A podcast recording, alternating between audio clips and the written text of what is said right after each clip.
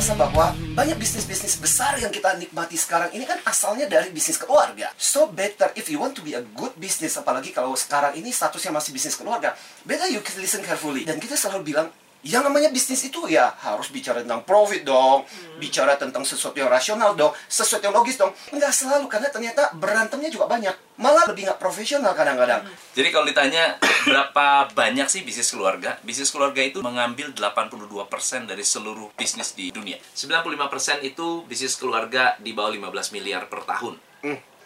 Yang 5% itu di atas 15 miliar sampai dengan 150 miliar. Betul, 0,4 persen 150 miliar sampai 750 miliar. Yang 0,06 persen masuk ke kategori 750 miliar. Itu yang kategorinya. Fortune 500 companies. Yes, betul.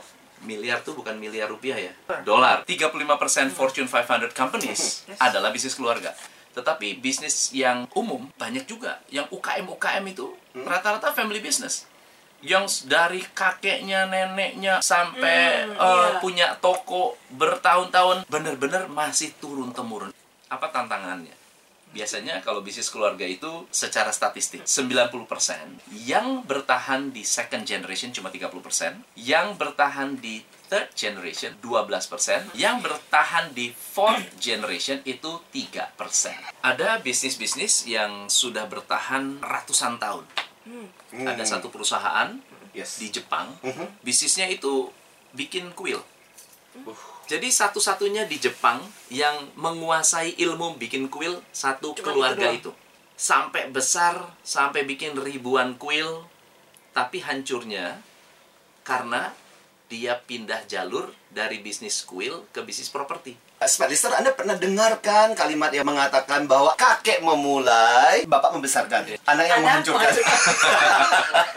Ada tujuh problem klasik di Iya, ya. bisnis keluarga. Yang pertama adalah bisnis suami istri bisa pecah karena nggak sejalan atau nggak sepaham visinya. Yang kedua, yang banyak sekali terjadi adalah mulai menularkan keinginan atau harapan, ekspektasi orang tua terhadap anak, tetapi anak tidak sedalam passionnya seperti orang tuanya. Sifatnya dilema. Saya punya anak, anak disekolahkan di luar negeri dengan harapan anak ini bisa membantu saya di bisnis ini. Iya. Tapi banyak sekali anak yang gengsinya nggak nyampe.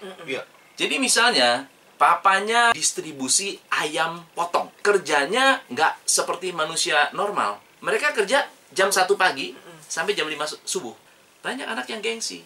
Oh, saya nggak mau Masa? bisnis ayah. Ngapain saya bangun subuh ngurusin ya. ayam, Ayam ngitungin satu-satu ayam, bau ya. pula. Nah, yang keempat Yes. adalah karena sulit regenerasi, tidak bisa milih karyawan bagus, Mhm. akhirnya nggak bisa percaya nih. Misalnya, kalau saya rekrut orang baru, lalu saya ajarin tekniknya, pinter resign. Bikin Jadi baru. dicarilah orang-orang yang dekat dengan keluarga. Oke. Misalnya, pembantu saya nih. Kamu punya anak gak? Punya. Lulusan mana? SMA. Mau kerja nggak? Mau. Sini masuk sini. Ah. Ya, mulainya bersih-bersih dulu. Habis itu naik pangkat. Habis Yes. jadi satpam. Habis itu naik pangkat. Jadi supir. Habis itu naik lagi. Jadi CEO. Jadi nggak bisa milih karyawan bagus. Nggak tahu cara milih orang bagus. Iya. Yang kelima adalah kalau sudah rekrut keluarga, gimana cara mecatnya? Susah memecat keluarga sendiri. Kalau misalnya hati ya. saya nih anak, oke, saya udah generasi kedua. Karyawan saya, om saya. Nah, itu gimana tuh mecatnya? Betul. yang Ya, benar, keenam, benar, banyak problem yang sifatnya operational. Hmm. Si owner nggak bisa meninggalkan kerjaan. Jadi harus sibuk sampai tua. Umur 70 tahun masih jaga toko. Umur 70 tahun masih bawa mobil. Kadang-kadang masih ngurusin customer. Kadang-kadang masih juga ngangkat barang. Kesibukan tidak berhenti sampai gak ada istilah istirahat. Banyak hal-hal kecil yang seharusnya tidak perlu diurus, tapi tetap dijalankan oleh business owner. Yang terakhir adalah masalah konflik. Konflik itu menjadi salah satu penyebab runtuhnya family business. Artinya berantem besar, Iya. konflik besar, 3 sampai 4 kali setahun. Tiga kali sampai 42 persen. Nah, 60 persen Mhm. Konfliknya paling cuma satu dua kali, mungkin Mhm. satu kali, Oke. ya. Tetapi karena masalah dipendem Mhm. Nggak sampai terjadi ledakan yang luar biasa. Nah, yang 40% adalah Ya. tidak mau komunikasi. Daripada konflik, mendingan saya diem. Yes. Ya, ini klasik banget. Iya. Sepupu-sepupu aneh. Kebetulan bisnisnya adalah bahan bangunan. Lalu kemudian mereka bikin perusahaan, nggak ada perjanjian, Oke. nggak ada notaris, nggak ada saksi, pembagian keuntungan sesuai dengan kebutuhan. Lu butuh apa lu minta gua. Lu butuh apa lu minta gua. Oh, iya, seru ya. Interesting. Nah, Oke. waktu masih single nggak masalah. Jadi tidak percaya dengan sistem, hanya percaya pada sistem kepercayaan. Akibatnya apa? Kebutuhan makin banyak, masalah makin banyak, Yes. sudah mulai punya anak, anak sudah mulai terlibat, partner Yes. suami dan istri mulai juga terlibat. Kok kamu cuma dapat segitu? Berapa sebetulnya share kamu? Saya nggak tahu. Mana ada? Kamu sudah bisnis berapa tahun? Masa kamu nggak tahu share kamu ada berapa? Kamu tiap hari Dalakan kerja dari lagi. pagi sampai malam. Jadi kamu sahamnya berapa? Saya nggak tahu. Actual bener terjadi. Dia bilang, wah dulu tuh kita tuh harmonis banget, semuanya kompak, idola. Sekarang gara-gara konflik, pecah bener-bener real. Ini istilahnya tempat bahan Ya. bangunan itu dibelah dua. Mm-mm. Stok sini milik lu, stok sini milik gua. Ini saingan. Langsung di tembok tengah-tengah. Ya. Dan even ketemu di Chinese New Year nggak ngomong actual konflik yang Iya. muncul ke dalam nomor satu adalah lack of communication kalau kita tahu cara komunikasi aja itu banyak. Hal bisa selesai. Yang kedua adalah males bikin aturan. Hari ini ngomong berubah nggak diomongin tiba-tiba besok berubah diomeli kan bapak kemarin ngomong kayak begitu. Enggak saya udah berubah. Kok nggak ngomong? Kamu aja yang nggak denger. Pokoknya nggak ada yang benar kecuali dia. Yang ketiga adalah karena conflicting personalities. Ah. saya Maksudnya? dominan Mm-mm.